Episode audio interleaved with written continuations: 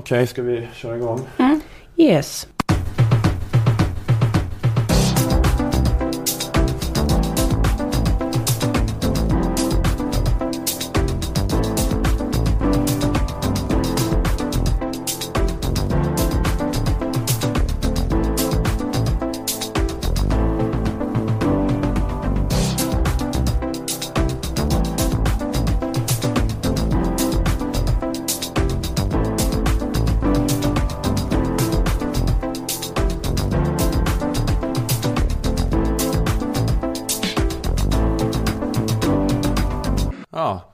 Härligt det låter.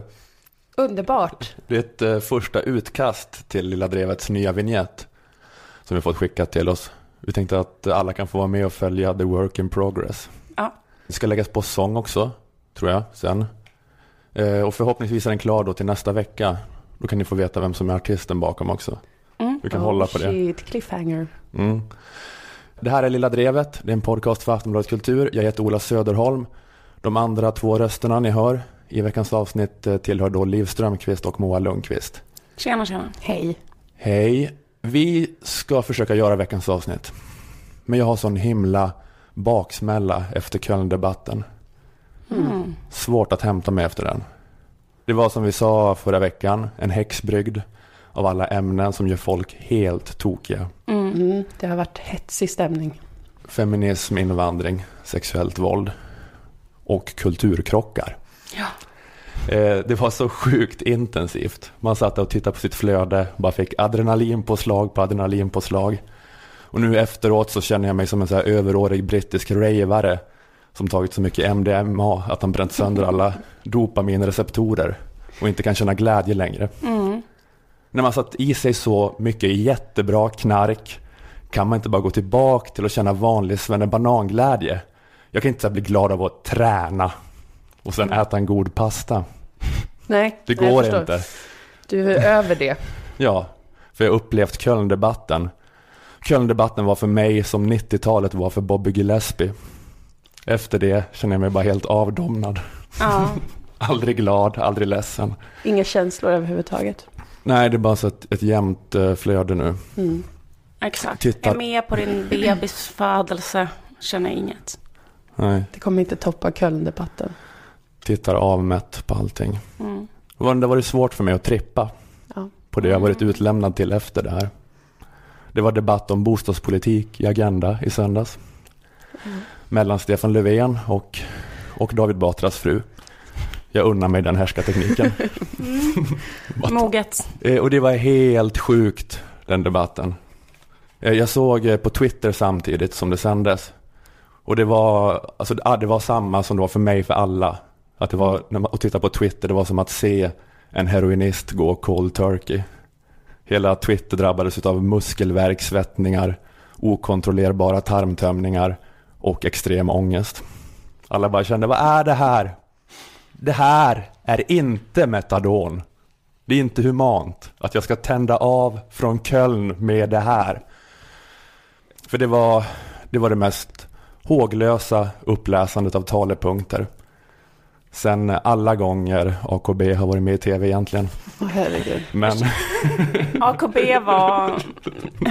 Jag vill inte vara extra taskig mot henne. Men hon var eh, otroligt... Alltså hon är otroligt dålig. Hon tror inte en sekund på vad hon själv säger. Och det gör ingenting för hon säger bara skit. Så jag förstår henne. Men det är ändå så jävla hemskt att behöva se det där. att behöva se någon som så himla lite vill vara där. Mm. Men jag tycker Stefan Löfven är så snäppet mer underhållande. För han har alltid en brottningsmatch med talepunkterna. Hans pressavdelning har försökt lägga i hans mun. Han så säger orden som att de attackerar honom. Talepunkten attackerar Stefan Löfven och sen har, har han en vildsint brottningsmatch med den.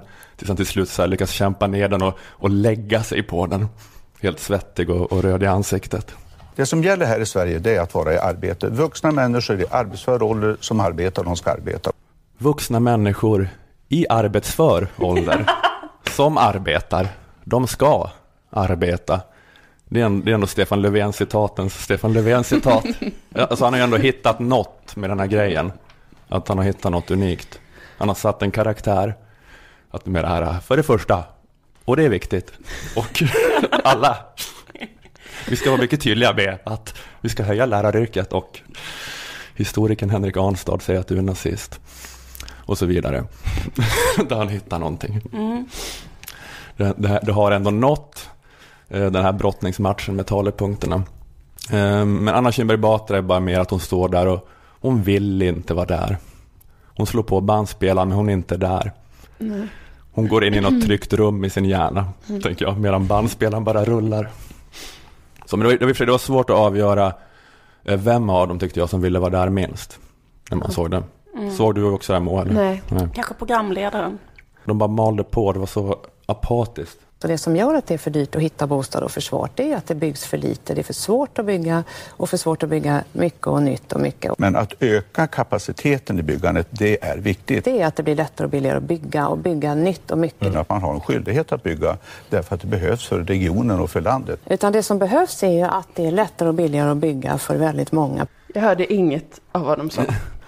Nej, Det går inte heller att lyssna på. För att det är så fruktansvärt tråkigt. ja, men det bara pågick så där i minut efter minut och det var helt omöjligt att förstå vad som skilde dem åt. Mm. Båda var för att man skulle bygga. Eh, Och det skulle då ske genom att eh, se över regelverk.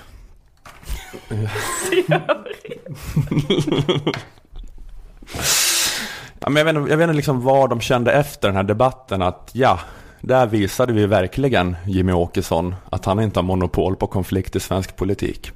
Nu blev det tydlig stridslinje. Eller är det bara apati? Ja. Är det bara det de, det det de känner kanske?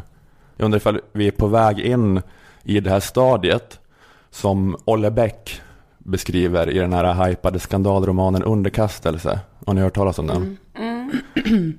Jag började bara läsa den precis, jag har bara läst 70 sidor. Men den så här utspelar sig i eh, Frankrike 2022 eh, där allt bara faller sönder i strider mellan identitärer och islamister. Eh, och berättarjaget är så en intellektuell, en litteraturprofessor som avmätt bara följer utvecklingen. Han så beskriver stämningen med att han ska gå på en fest med sina universitetsvänner. Men han vet att ingen på festen kommer prata om den här helt sinnessjuka politiska utvecklingen. Ingen kommer säga vad fruktansvärt det är med de här kravallerna i förorterna eller nedbrända moskén eller terrorattackerna. Och några år tidigare var sånt det enda de pratade om. Mm. Men nu då vet han att när han går på så här fest då kommer alla bara att prata om 1800-talslitteratur. De hör skottlossningen i bakgrunden när deras cocktailmingel pågår. Men de eh, pratar bara om Husman och Léon Blois. Eh, att han beskriver så här, ja, men det, eller att det är någon satir om hur de i samhället som kanske ska stå upp för de sekulära, upplysta, humanistiska värderingarna. De har så gått från politisk depression till politisk apati. Ja. Han skriver så här att alla tänker att ja, ja, det som måste hända kommer väl hända. Är det det vi ser nu i ögonen på människor? Resignationen. Man orkade hålla igång den här peppen ett tag. Att i vår tid, eller att i vår tid är ett samtal om träd nästan brottsligt eftersom det innebär tystnad om så mycket grymhet. Men nu är det mera, äh, vi kan väl lika gärna samtala om träd medan kristallnatten pågår i bakgrunden. Usch vad deppigt. Ja. Otroligt deppigt. Eller så är det här bara en roman Oj, som jag har börjat läsa. skönt. Jag längtade efter att du skulle ge en annan förklaring. Och det, det, det är kanske det som är det farliga nu. Eh, inte att det faktiskt händer så farliga grejer och att det behöver vara så stora problem egentligen. Men det är den här apokalyptiska peppen som pågår och den hetsar upp folk mer och mer. Och då kanske det skulle kunna bli en självuppfyllande profetia. Att folk blir så här tokiga som jag blev utav Köln och upphetsade och galna. Mm. Eh, För jag hörde Sveriges Radios politiska reporter Thomas Ramberg i podden Det politiska spelet här veckan. Eh, Och han sa något där om att en sån stämning nu att, att alla händelser eh, sätts in i det här stora narrativet. Att händelser som i ett annat klimat kanske bara hade varit en tragisk händelse. Ja. Nu blir det en del av den här stora berättelsen om upplysningserans slut. Mm. Eh, Och det globaliserade medielandskapet gör att det alltid någonstans har hänt sådana händelser som man så kan placera in i sin egen berättelse. Alla sitter i sina så här personligt designade informationsflöden och pusslar ihop eh, sin egen domedagsberättelse mer och mer. Mm. Det är inte så att alla är så himla politiskt deprimerade. Ja, jo, verkligen. De flesta, inte jag. Nej, Inte du. Nej, men nästan alla andra. alla, alla på Twitter utom att Moa Lundqvist. Jag har det kul. Eh, ja, men alla är överens om att 2015 var det värsta året hittills. Ja, Jag har hört det. Det jag har hört jättemånga säga det. Nu så- 25, de senaste 25 personerna jag har pratat med har sagt det. 2015 det värsta året någonsin och det stämmer ju inte alls egentligen. Vad menar du? Det var inte det värsta året någonsin. Det kändes ju så. Enligt historieböckerna. Nej, nej, men Men vad säger känslan? inte värre än 2014 i alla fall på något sätt. Ja, det var kanske lite värre än 2014. 2014 var ju Summer of Love. Just det, det har vi pratat om tidigare. Men ehm, det är att man har så oändligt mycket mer tillgång till den världssorg som finns nu. Snarare än att det finns så himla mycket, mycket mer världssorg. Så är det bättre då kanske att vara i och för sig apatisk? Eftersom att det inte är så hemskt egentligen, som i en Olle Beck-roman. Eller som alla på Twitter tror att det är. Jag vet inte vad som är mest farligt då. Är det mest farligt med apatin? Eller är det mest farligt att eh, hetsa upp sig in i, i civilisationskrigsmode? Kanske lagom är bäst. Kanske ska hitta någon mellanväg. Där. Det Mm. brukar vara bäst. Ja. Ska vi landa i det? Lilla drevets hållning är det här är att försöka hitta något mitt emellan apati och fullständigt skogstokig korsriddare. I alla fall, jag, var ju då, jag blev ju tokig. Eh, och inget var ju då, som vi sa, bränsle på den här apokalypspeppen så mycket som Köln-händelsen var. Jag blev helt tokig av upphetsning av den debatten. En upphetsning då som inte kunde upprätthållas med hjälp av Batras och Löfvens duell, Nej. som sagt. Och eh, alltså även hela den här skandalen med fackförbundet Kommunal, jag vet inte hur ni känner, men jag vet inte. Det är, ja, det är så svettiga fackpampar som supit och hållit på med någon burlesk porrshow på något sätt. Men, och det är en så jättestor nyhet i En syndig brunch. syndig brunch. Ja. De har haft Det är en den så, bästa termen för det som har hänt tycker jag är syndig brunch. ska representera det vanliga folket, springer på syndig brunch stup i kvarten. Ja men det, att det är en sån här grej, eh, det är en sån här klassisk nyhet, en jättestor nyhet i gamla DDR-Sverige i den kontexten. Men nu när man har levt i det här överhettade civilisationskrigsnarrativet så biter inte det heller riktigt. Nej, Jag har inte riktigt ens orkat förstå vad som har hänt med Kommunal. nej. Och jag tror att det är för att jag, jag har för bedövade liksom, sensorer nu. Du vet att du kommer inte få en kick av det. Ja, men jag har hört massa nyhetssändningar om kommunalskandalen men jag har bara zonat ut. Börjat fantisera om Ann Heberlein debattartiklar. Svenska Dagbladet krönikor om arabiska stamkrigare. Kulturvänstertexter som rasiststämplar alla som yppar att kvinnans ställning kan skilja sig från kultur till kultur. Det var så bra. Det var så härligt. Orkar inte höra en fackpamp redogöra för någon oegentlig spritnota under en oegentlig vistelse på någon jävla kursgård. Det är inte samma härliga känsla. Har högre krav på mitt underhållningsvåld nu. Kommer tungt Mm. framöver. Men jag jag har försökt titta på en del om det här med kommunalen då och lyssna. Det var en grej med kommunalskandalen som jag reagerade lite på. Eh, För i Aktuellt så var det en intervju med Anneli Nordström. Ja, Den här ordförande. förlåt. Förlåt, från djupet av mitt hjärta.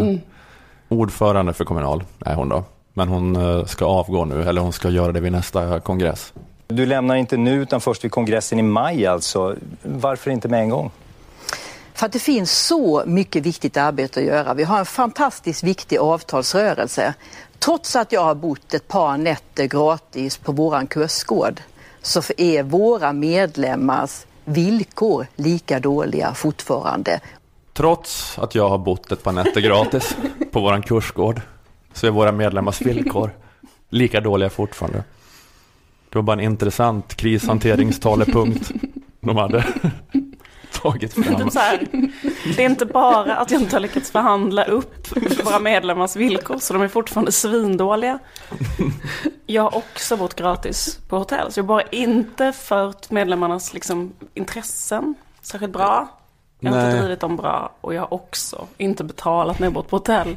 jag lyssnade på det flera gånger, jag fick inte huvudet runt det riktigt. Att, eh, trots att jag har bott gratis Så har vi ändå inte haft några. så är det ändå inte... Hon blev inte inspirerad nog av att bo gratis som kunde göra det bättre.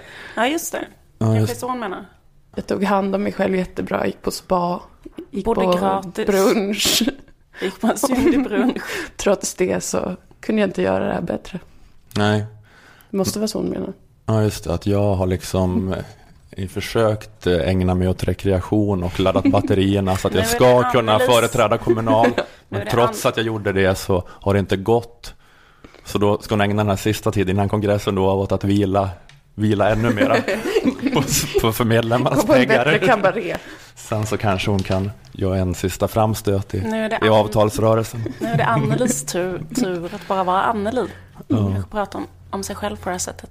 Det är så, trots att jag har bott gratis, alltså då roat mig på medlemmarnas bekostnad, så är medlemmarnas villkor ändå lika dåliga fortfarande.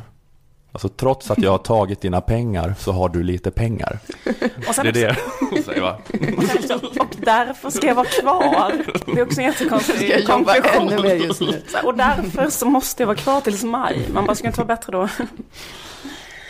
Ja, ehm, nej men exakt. Ja men det var, det var något som var lite intressant med det. Inte Köln intressant men, men ändå. Nej. Du får börja med små doser.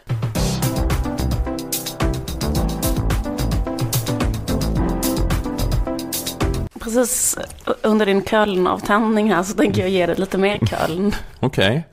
Nu glimtar det till i Olas ögon. Jag tror att jag kan ta en utan att få ett återfall. Ja, Det kommer inte spåra ur. det tror jag Jag har också. kontroll på det här nu. Klarar en. Men det handlar inte så jättemycket om Köln. Det börjar med det här med Köln. Okej. Läste ni en nyhet som kom ut för eh, typ två veckor sedan? Om att det på nyårsnatten i Malmö, vår hemstad, eh, förekommit eh, trakasserier, sexuella trakasserier som liknade de som har skett i Köln. Nej. Nej, Läste ni inte det? nej jag missade det. Rubriken på den artikeln i Sydsvenskan var så här. Gäng ofredade kvinnor på nyår i Malmö. Det stod så här. Berusade kvinnor blev trakasserade och ofredade av gäng under nyårsnatten. Grupper av ensamkommande flyktingungdomar pekas ut. Och den här nyheten plockades också upp av Kvällsposten som skrev ungefär samma sak. I, det här, äh, I den här sjuka stormen av Köln-hysteri så skedde även detta. Mm, det. Eh, Men nu i veckan så publicerade Sydsvenskan en ny artikel eh, skriven av deras chefredaktör Pia Renqvist där hon skriver att det efter efterforskningar inte finns ett enda bevis för att det skulle ha skett några sexuella trakasserier i Malmö under nyårsnatten. Hon skriver så här. Vi har efterlyst drabbade kvinnor på vår sajt, i olika Facebookgrupper, på alla upptänkliga sätt. Vi har ringt runt till olika boenden för att ta reda på om det saknades ungdomar på nyår. Vi har gjort i princip allt vi kommit på, men vi har inte hittat något. Ingen utsatt kvinna eller ungdom har hört av sig, inget vittne, ingenting. Och det finns inte heller nå- några polisanmälningar.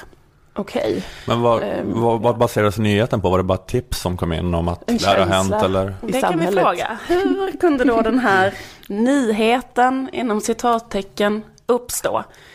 Vem är det som har sagt det var invandrarna som gjorde det, fastän ingenting har hänt? Vi, surprise, surprise, så var det då samma grupp som alltid säger det var invandrarna som gjorde det. Nämligen, självklart, Malmöpolisen. Vilken polis är nu det undrar ni? Jo men det är ju den här polisen. Öppna jävlar. Lilla jävla AP-jävlar. Ja, 290. Kom igen, signal. Ska han ha steril om jag får frågan? Ja, han ska ha sig dukt, så duktig med stryk så han inte kan stå på benen. Där är en till i svart och vitt. Ja, för er som inte förstår skånska så säger de blattarjävlar, den lilla apajäveln. Jag ska göra honom steril om jag får tag i han. Han ska ha sig så duktigt med stryk så att han inte kan stå på benen. Ja. Police talk. Men eh, själva den här nyheten då, som s- sätter inom sådana här kaninöron, om att det skulle ha skett sexuella övergrepp eh, utförda av då ensamkommande, den är då hämtad från något internt dokument som de från Malmöpolisen då har författat ihop själv, från nyårsnatten. Polisen har skrivit så här. Ett par hundra som jag ser som ensamkommande från Afghanistan drev omkring i city och var allmänt stökiga. Flera fall där stora gäng av dessa omringade framförallt berusade tjejer slash kvinnor och ofredade dessa. Mm. Som han ser som... Just Ja. det. Yes. Eh, Och det var det här dokumentet som lades till grund för den här nyheten. Och det är ju något i den här formuleringen av den här Malmöpolisen som säger mycket det här. Ett par hundra som jag ser som en som kommer från Afghanistan drev omkring i city och ofredade kvinnor. Där alla andra människor såg ett nyårsfirande där ingenting hände såg alltså den här polisen ensamkommande från Afghanistan som ofredade kvinnor.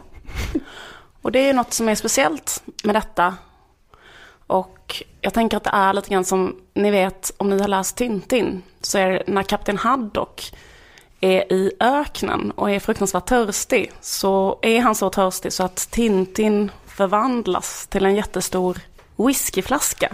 Just det. Har ni sett det här? Jag tänker att det kanske är samma sak med Malmöpolisen, att de liksom cirkulerar omkring i Malmö och har lika stor längtan efter att gripa en invandrare som en alkoholist har att dricka. Och så plötsligt i Malmöpolisens ögon så förvandlas då ett helt vanligt nyårsfirande till horder av ensamkommande som sextrakasserar kvinnor. I verkligheten, för andra människor, inte en enda anmälan och inte ett enda vittnesmål. Eh, och det här är ju inte eh, första gången som Malmöpolisen har den här då liksom Kapten Haddock får delirium-synen på sin omvärld. Att eh, där alla andra människor ser till exempel en tjej som går med sitt tjejgäng från krogen. Det förvandlas då i Malmöpolisens ögon eh, till en bråkig invandrare som driver omkring och måste in i deras piketbil och blir fasthållen genom att man sätter ett ben på hens huvud. Som den här unga Malmötjejen Seher Ahmadi berättar. Så sa ena, jag tror det var han som satt på, alltså med benet på mitt huvud. Håll käften jävla blatte. Då fattar jag varför de har tagit mig. Så sa jag, jag är faktiskt lika mycket svensk som du är och som du är och som du är. Så började de skratta, nej det är du inte alls. Och om du är svensk så prata, prata eh, svenska då. Vad fan är det för språk du pratar? Så sa han ena, varför är du så arg? Är det för att du har fått för lite bidrag denna månaden? Eller varför är du så arg? Eller den här händelsen som beskrivs i Studio 1. I den objektiva verkligheten är det här, handlar det här nyheten alltså om en man som blir utsatt för diskriminering. Men i Malmöpolisens ögon är det då en bråkig invandrare som behöver tillrättavisas så pass grovt så att hans arm blir avbruten. Alfa Kante nekades inträde på en nattklubb på grund av att han hade afrikanska kläder. Vakten och han började diskutera och polisen kom dit och tog Alfa Kante till arresten. Någonstans under den proceduren bryts Alfas arm, men han fick inte komma till sjukhus förrän morgonen därpå. Och jag eh, tänker igen lite grann på det här eh, hur det är när kapten Haddock tror att Tintin är en whiskyflaska. Då hoppar han ju på honom och sen försöker han skruva av hans huvud. Kan det vara något liknande som har hänt här? Att Malmöpolisen har trott att den här mannen med afrikanska kläder är på riktigt, typ, jag vet inte, ondskan personifierad. De tror att det är Darth Vader typ och att hans arm är ett lasersvärd eller något som de måste så här, bryta av. Det är ett sånt liksom rasistiskt delirium som utlöses och skapar vanföreställningar. Jag vet inte. Jag försöker bara sätta mig in i Malmöpolisens huvud. Ja men det är, det är fan det är fascinerande exempel alltså. Det är sådär brasiliansk klass eller vad man ska säga på Malmöpolisen i någon sån i, som när man ser någon sån dokumentär när de invaderar en favela. Att, att de Ja, håller den. Ja, för det är liksom inte bara det här då att man använder sig av att man säger så här gravt rasistiska grejer, utan det är också så här kombinerat med det här sjuka övervåldet. Och det att de säger, när de säger apajävel, men det är också så här de säger apajävel, men de säger också så här, jag ska göra dig steril, jag ska slå dig så mycket så att du inte kan stå på benen. Och så det här exemplet. Ja. Eh, hur som helst, minns ni den nioåriga pojken som hade åkt utan biljett och blev gripen av väktare på Malmös centralstation? En ordningsvakt satte sig på den här pojken, höll för hans mun samtidigt som han dunkade det här barnets huvud mot stengolvet. Vad var Skånepolisens informationsdirektör Lars Förställs känsla inför den här händelsen? Var det att det var fel att sitta på nioåring och dunka hans huvud mot ett stengolv eller var det kanske något man kan förklara som ett normalt ingripande? Lars, vi lyssnar. Eh, då fanns det dessutom en språkförbristning i det här sammanhanget som gjorde att man inte kunde få den verbala kontakten med varandra. Men den här pojken eh, var en fara för sig själv eh, enligt den bedömningen man gjorde där befann sig på en tågstation och eh, det var viktigt att eh, han inte stack iväg. Den här pojken var en fara för sig själv. Det är bara totalt oförståeligt. Man fattar inte vad han menar. Han borde ju sagt så här. Den där pojken var ett ägg som vakten behövde knäcka för att han tänkte göra en omelett. Vakten har sett ett rasifierat barn få så här rasistiskt Kapten Haddock-delirium. Trott att pojkens huvud var en nöt. Det var julafton. Nöten måste knäckas till varje pris. Snart kommer moster Elisabeth. Allt måste vara klart. Sen ska vi lacka paket och tända alla ljusen. Tar en annan rasifierad människa som går förbi, tända eld på dens hår. Det är ju enda sättet att förstå Malmöpolisens agerande. Ja. Men det som är sjukt i det här är att Sydsvenskan sedermera Kvällsposten från början använde uppgifter från Malmöpolisen som grund för en nyhet. Liksom när de fick se de här dokumenten där det stod ensamkommande trakasserar kvinnor, när det inte fanns ett enda vittnesmål eller anmälan om trakasserier.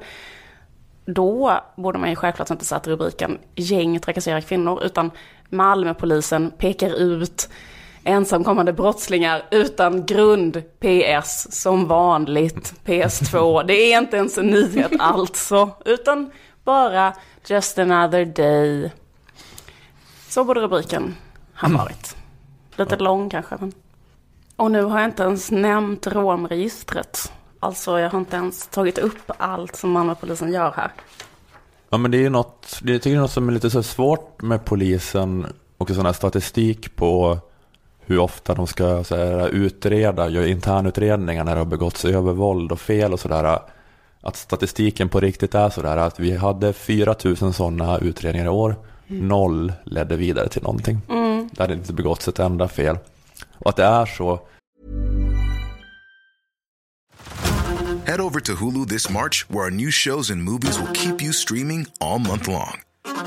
Catch the acclaimed movie All of Us Strangers, starring Paul Mescal and Andrew Scott.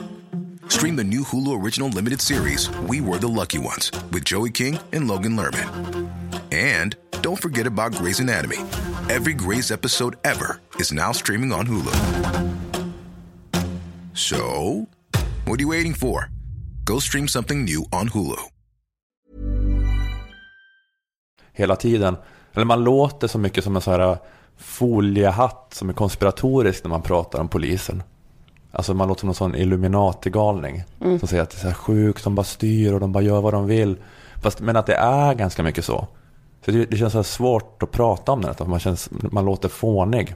Eh, Men vi kan ju höra, kan, för sig- vi kan ju lyssna på det. Vad hände med det där romregistret? Därför att den eh, liksom, internutredningen blev klar förra veckan. Vad hände med det egentligen? Och idag kom då beslutet från polisens personalansvarsnämnd. Polischeferna får mild kritik. Nämnden konstaterar också att det finns delar som är preskriberade och polisens ansvarsnämnd avskriver också de här ärendena. Mild kritik.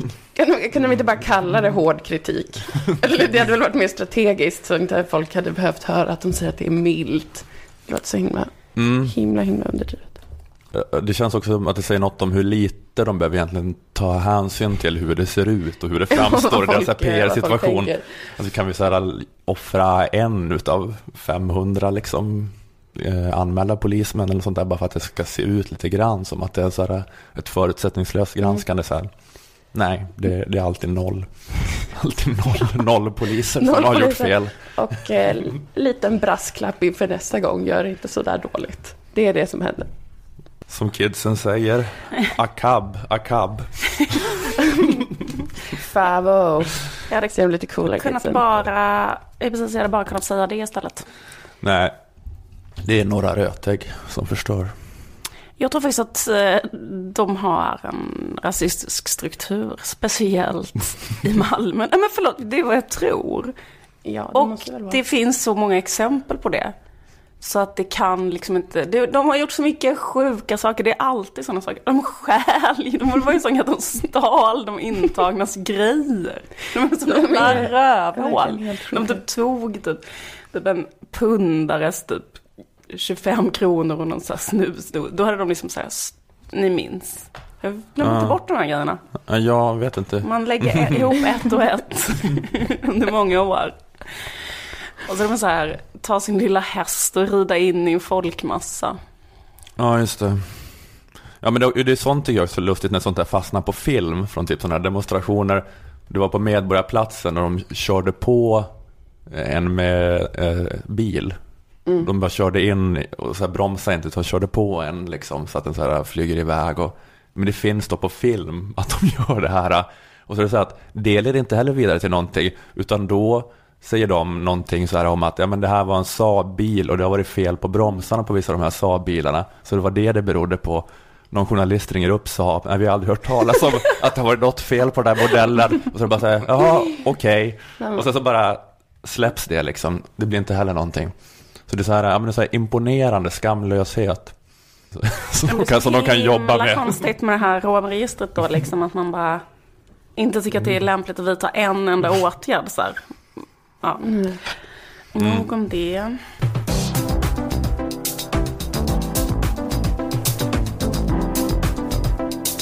Har ni hängt med i de eh, senaste morden? Nej, jag tror inte det. Det är ju ganska viktigt, brukar jag säga, hänga med i kulturen. Gå på teater, en vernissage kanske, lyssna på en ny artist, men också såklart hänga med i de senaste morden. Och då är det alltså inte morden som begicks igår och idag, jag menar, utan de som är lite inne, lite på modet. Murdertainment, true crime. Det är tv-serier och böcker och kanske poddar som handlar om mordgåtor, olösta fall.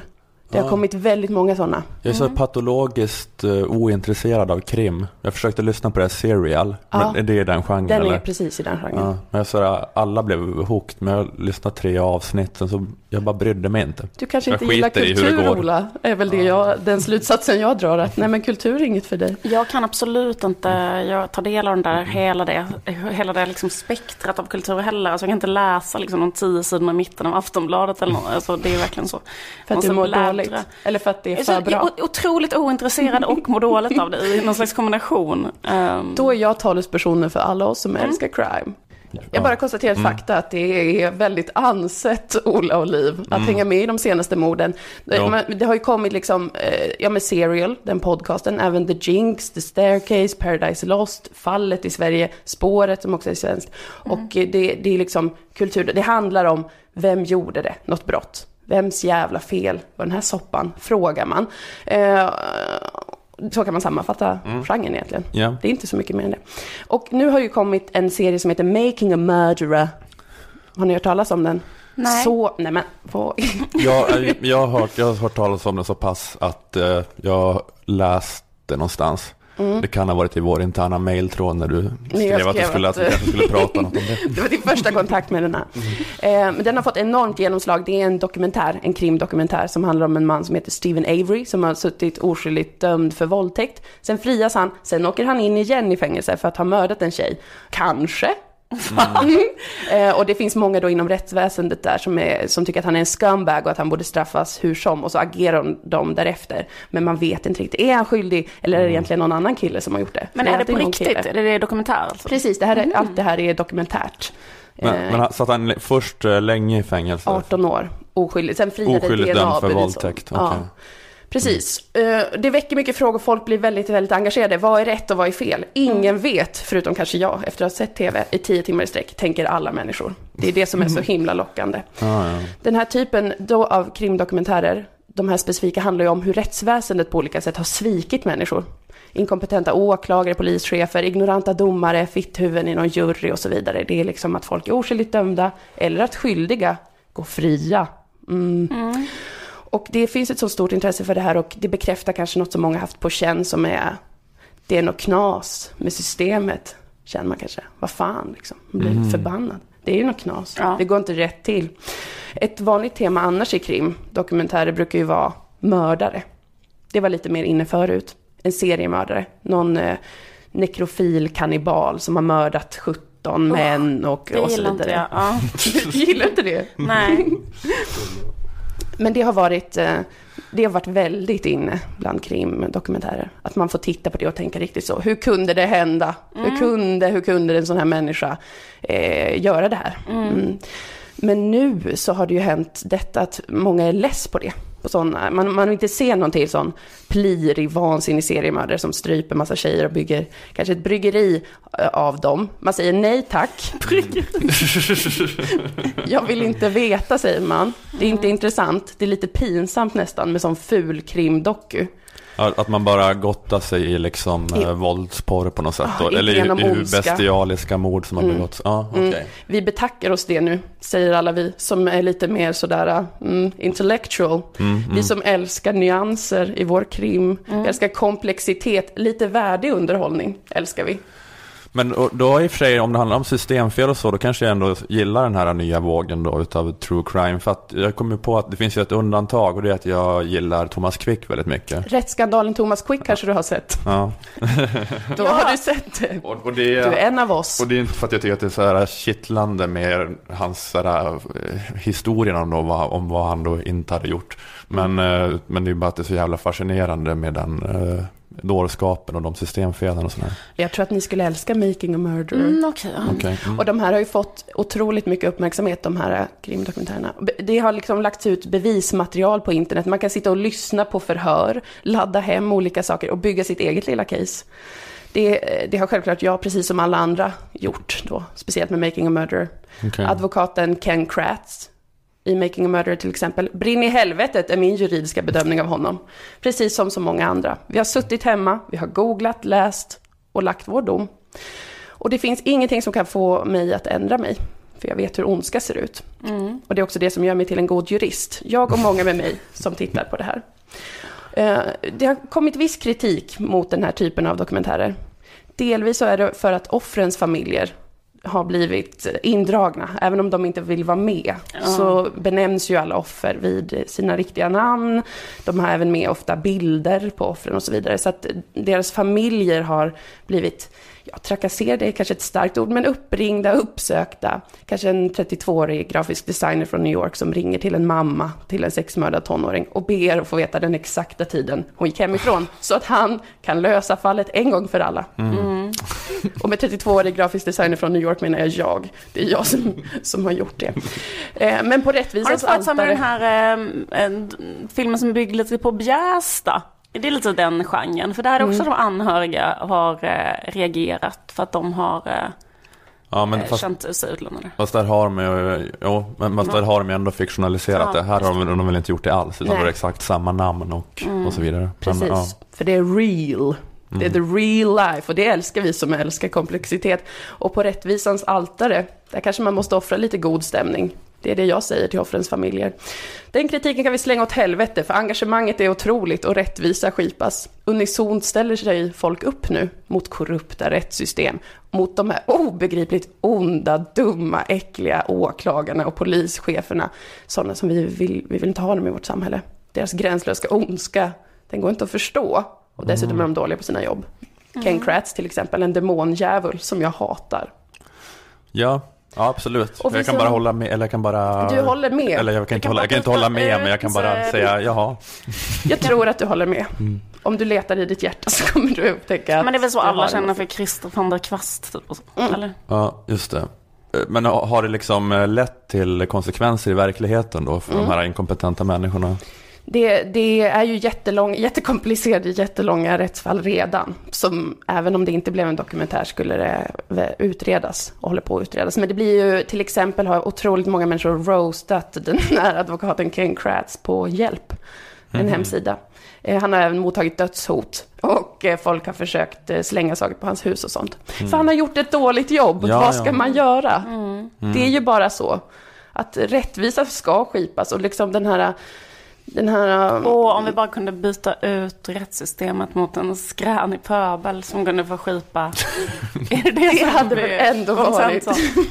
Det är det som liksom är... Skränig pöbel som har lyssnat på en podd och, och får bevisa ut efter det. Eller får liksom döma efter det. Få göra en egen, de kan få göra en egen gärningsmannaprofil. Folk kan ju allt med hjälp av internet. Mm. Så kan man lösa allt det här och det är ju, det är ju liksom intelligent underhållning när man själv får ta del av det sådär. Det är Mm. otroligt. Och vi som älskar de här äh, dokumentärerna, gråzonerna, nyanserna, komplexitet. Vi kommer ju fortsätta titta, jaga de här ondskefulla kräken, göra en podcast om dem.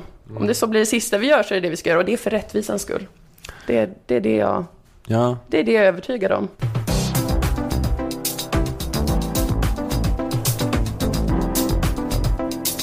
Media förändras. Har ni tänkt på det? En gång. Nya fenomen uppstår, gamla går i graven. Och jag har tänkt lite extra på den här nya genren av journalistik som har uppstått på sista tiden. Lena Philipsson fyller 50 år och hon tycks fira stort. I veckan vimlade flera stjärnor på födelsedagsfesten, vilket även slog ner som en bomb på sociala medier. På Instagram delade flera av stjärnorna med sig av härliga bilder från festen. Pernilla Wahlgren skrev bland annat på Instagram att hon var redo och på väg till kvällens 50-årskalas för en evigt ung pingla som älskar att dansa i neon. Ja, det menar jag då. Det här fenomenet att med sån nyhetsröst eh, liksom Mm. läsa upp eh, texten från kändisars Instagram. Ja. Ja, för den där tjejen hade ju verkligen lärt sig det där hur man levererar som nyhetsuppläsare. Ja. Jag har ju gått journalisthögskolan, jag kommer ihåg det, att det var att det är väldigt, väldigt svårt det där. Att man, vi fick hålla på och försöka öva på det där. Att hur, Jaha. man, hur man liksom attackerar rätt ord i meningen och sådär. Men att hon kunde det där hantverket Ja, bra. det hörde och det är det här hon får använda det till då. men, Ja men precis, men det, för, det, för det är väldigt, men jag tänker så här, det är någonting med det som är lite konstigt, för jag tänker att just den här typen av nyheter, eller vad ska man säga, text, texten till Mm. Pernilla Wahlgrens Instagram, som man vill läsa upp här. Jag är på väg till en, man skulle kunna säga bara det, så här, Pernilla Wahlgren skrev på sitt Instagram att hon är på väg till en evigt ung pingla som älskar att dansa neon. Det är konstigt att liksom sätta den här texten och man ska läsa den som att det låter som så här, nu rapporterar vi från valet i Belgien, typ så här. mm. Skitsamma. Eh, och så tänker jag det är konstigt därför att liksom alla människor som är intresserade av, eh, säg Pernilla Wahlgren, kan ju bara följa henne själv liksom. Ja. Jag tycker det finns något som är konstigt, att hur kan denna marknaden finnas, att man inte följer henne då, utan istället liksom hör någon läsa upp någon annans bildtexter från Instagram. ja, det är mystiskt. Kan det vara för jättegamla? är det de- Aftonbladet TV? Det är Expressen TV de här Mm. hämtar ifrån.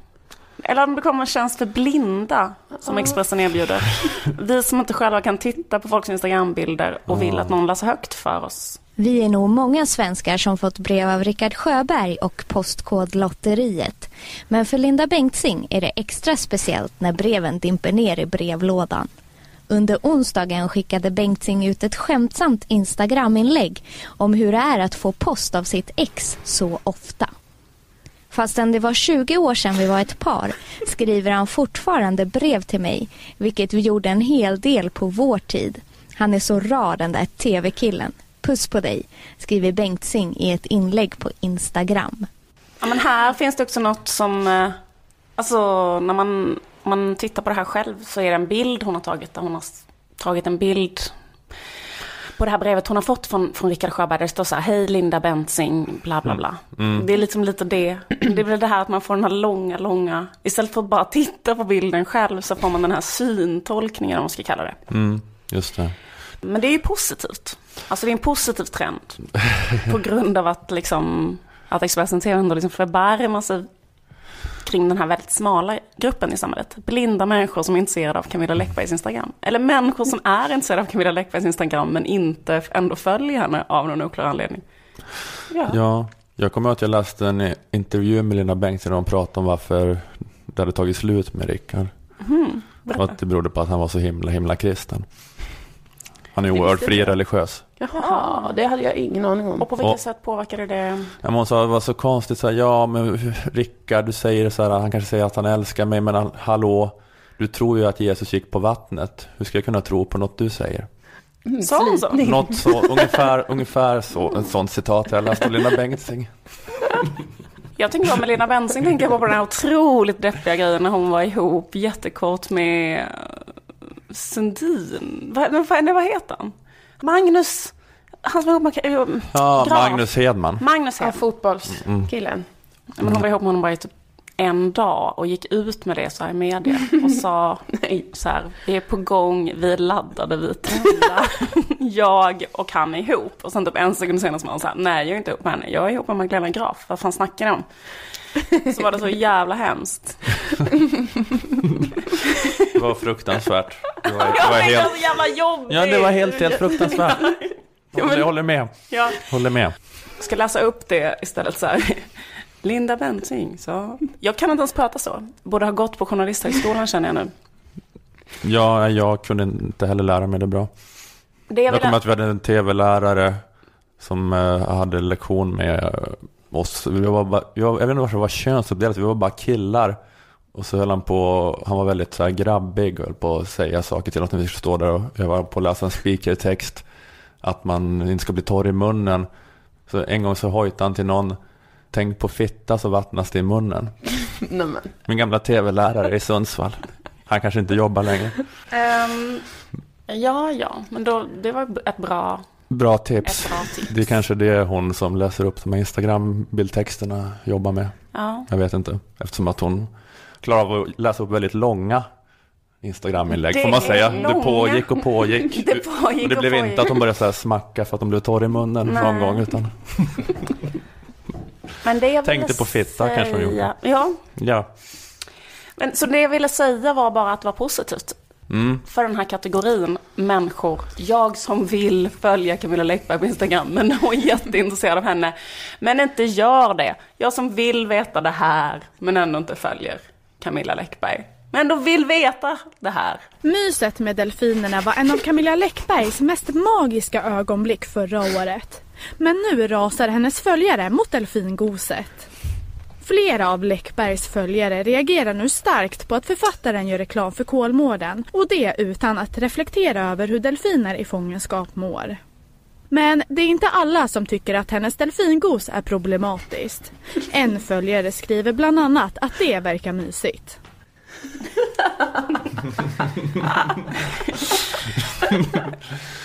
Det är ändå balanserad journalistik där. Hon säger så här, Vissa tycker att delfingoset var Mm. problematiskt. Andra tyckte inte att delfingoset var problematiskt. Jag läste alla kommentarerna. Mm. Det men finns kommentarer. det är en del av uppdraget att, att eh, återge båda sidor av argumentet. De som problematiserar delfingos, de som inte problematiserar delfingos. Men det är ett problem, eh, har jag hört, eh, för som journalistik så har Aftonbladet Klick och skvallertidningar med Instagram. Eh, för Ja. att eh, de har haft någon som funktion som mellanled som har bilder från alla fester och sånt där. Nu, men folk behöver inte hålla på Nej, och det konsumera det- den här journalistiken längre utan man kan följa alla på Instagram och så. eh, Ja, men på det, det, Lena jag menar, det känns ju Philipssons. så här fruktansvärt eh, efter hängstet och liksom, eh, som, som jag sa, en väldigt liksom, liten målgrupp. Men då får man inte heller för sig den här göttiga sammanfattningen hon gjorde här av kommentarerna. Om man inte orkar läsa precis. alla kommentarer. Kanske trodde att alla Nej, nej. problematiserade delfingos, men så visar det sig att vissa problematiserade inte delfingoset. Det är ju det som är journalistik. Alltså det är ju inte så här journalistik att läcka en halv miljon eh, Wikileaks-dokument. Utan det journalister ska göra är ju att gå igenom dem och sålla och presentera. Just Mm. Så att alla de här miljoner kommentarerna under Camilla Läckbergs Instagram-bilder. Alla ska inte behöva gå igenom dem själva utan Det får en journalist göra. Det får en journalist göra och presentera.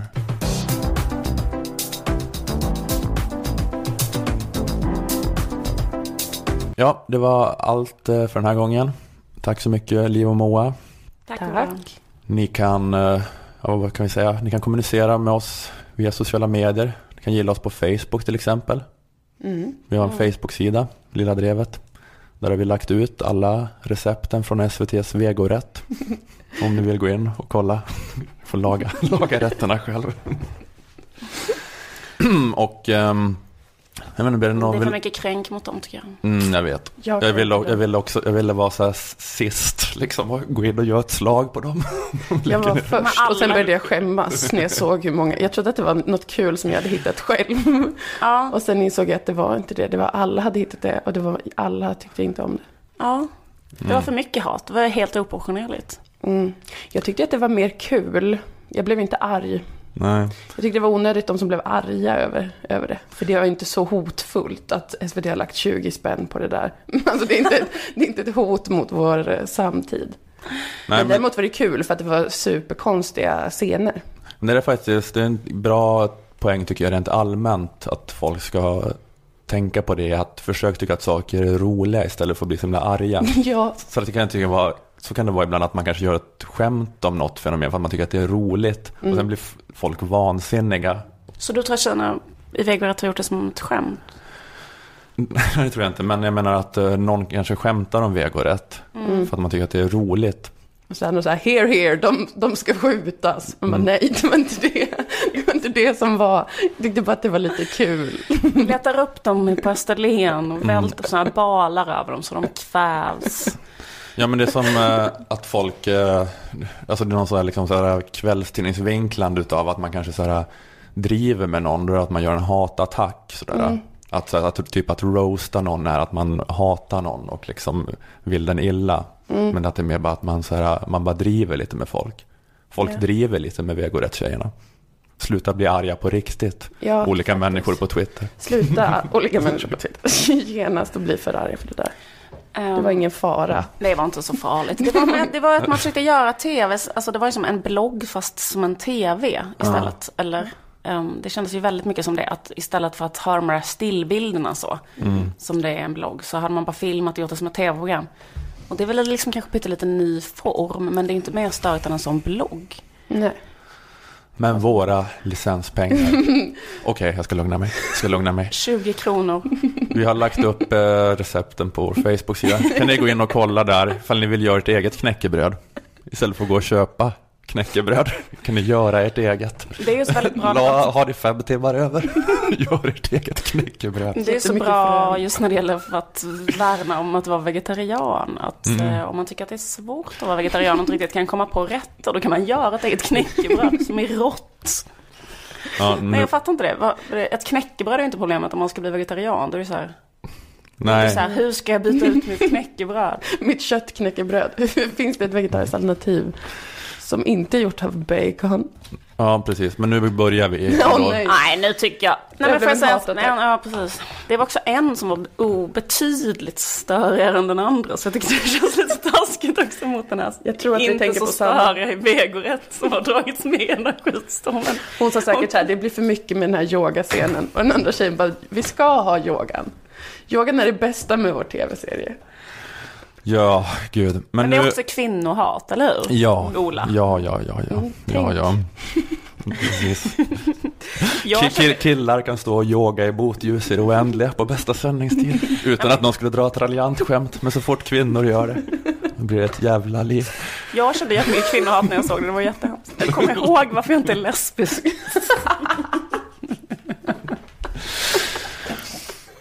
Men nu hamnade vi också i det här i veckans mest förutsägbara skämt och, och raljera över vegorätt. Oh no.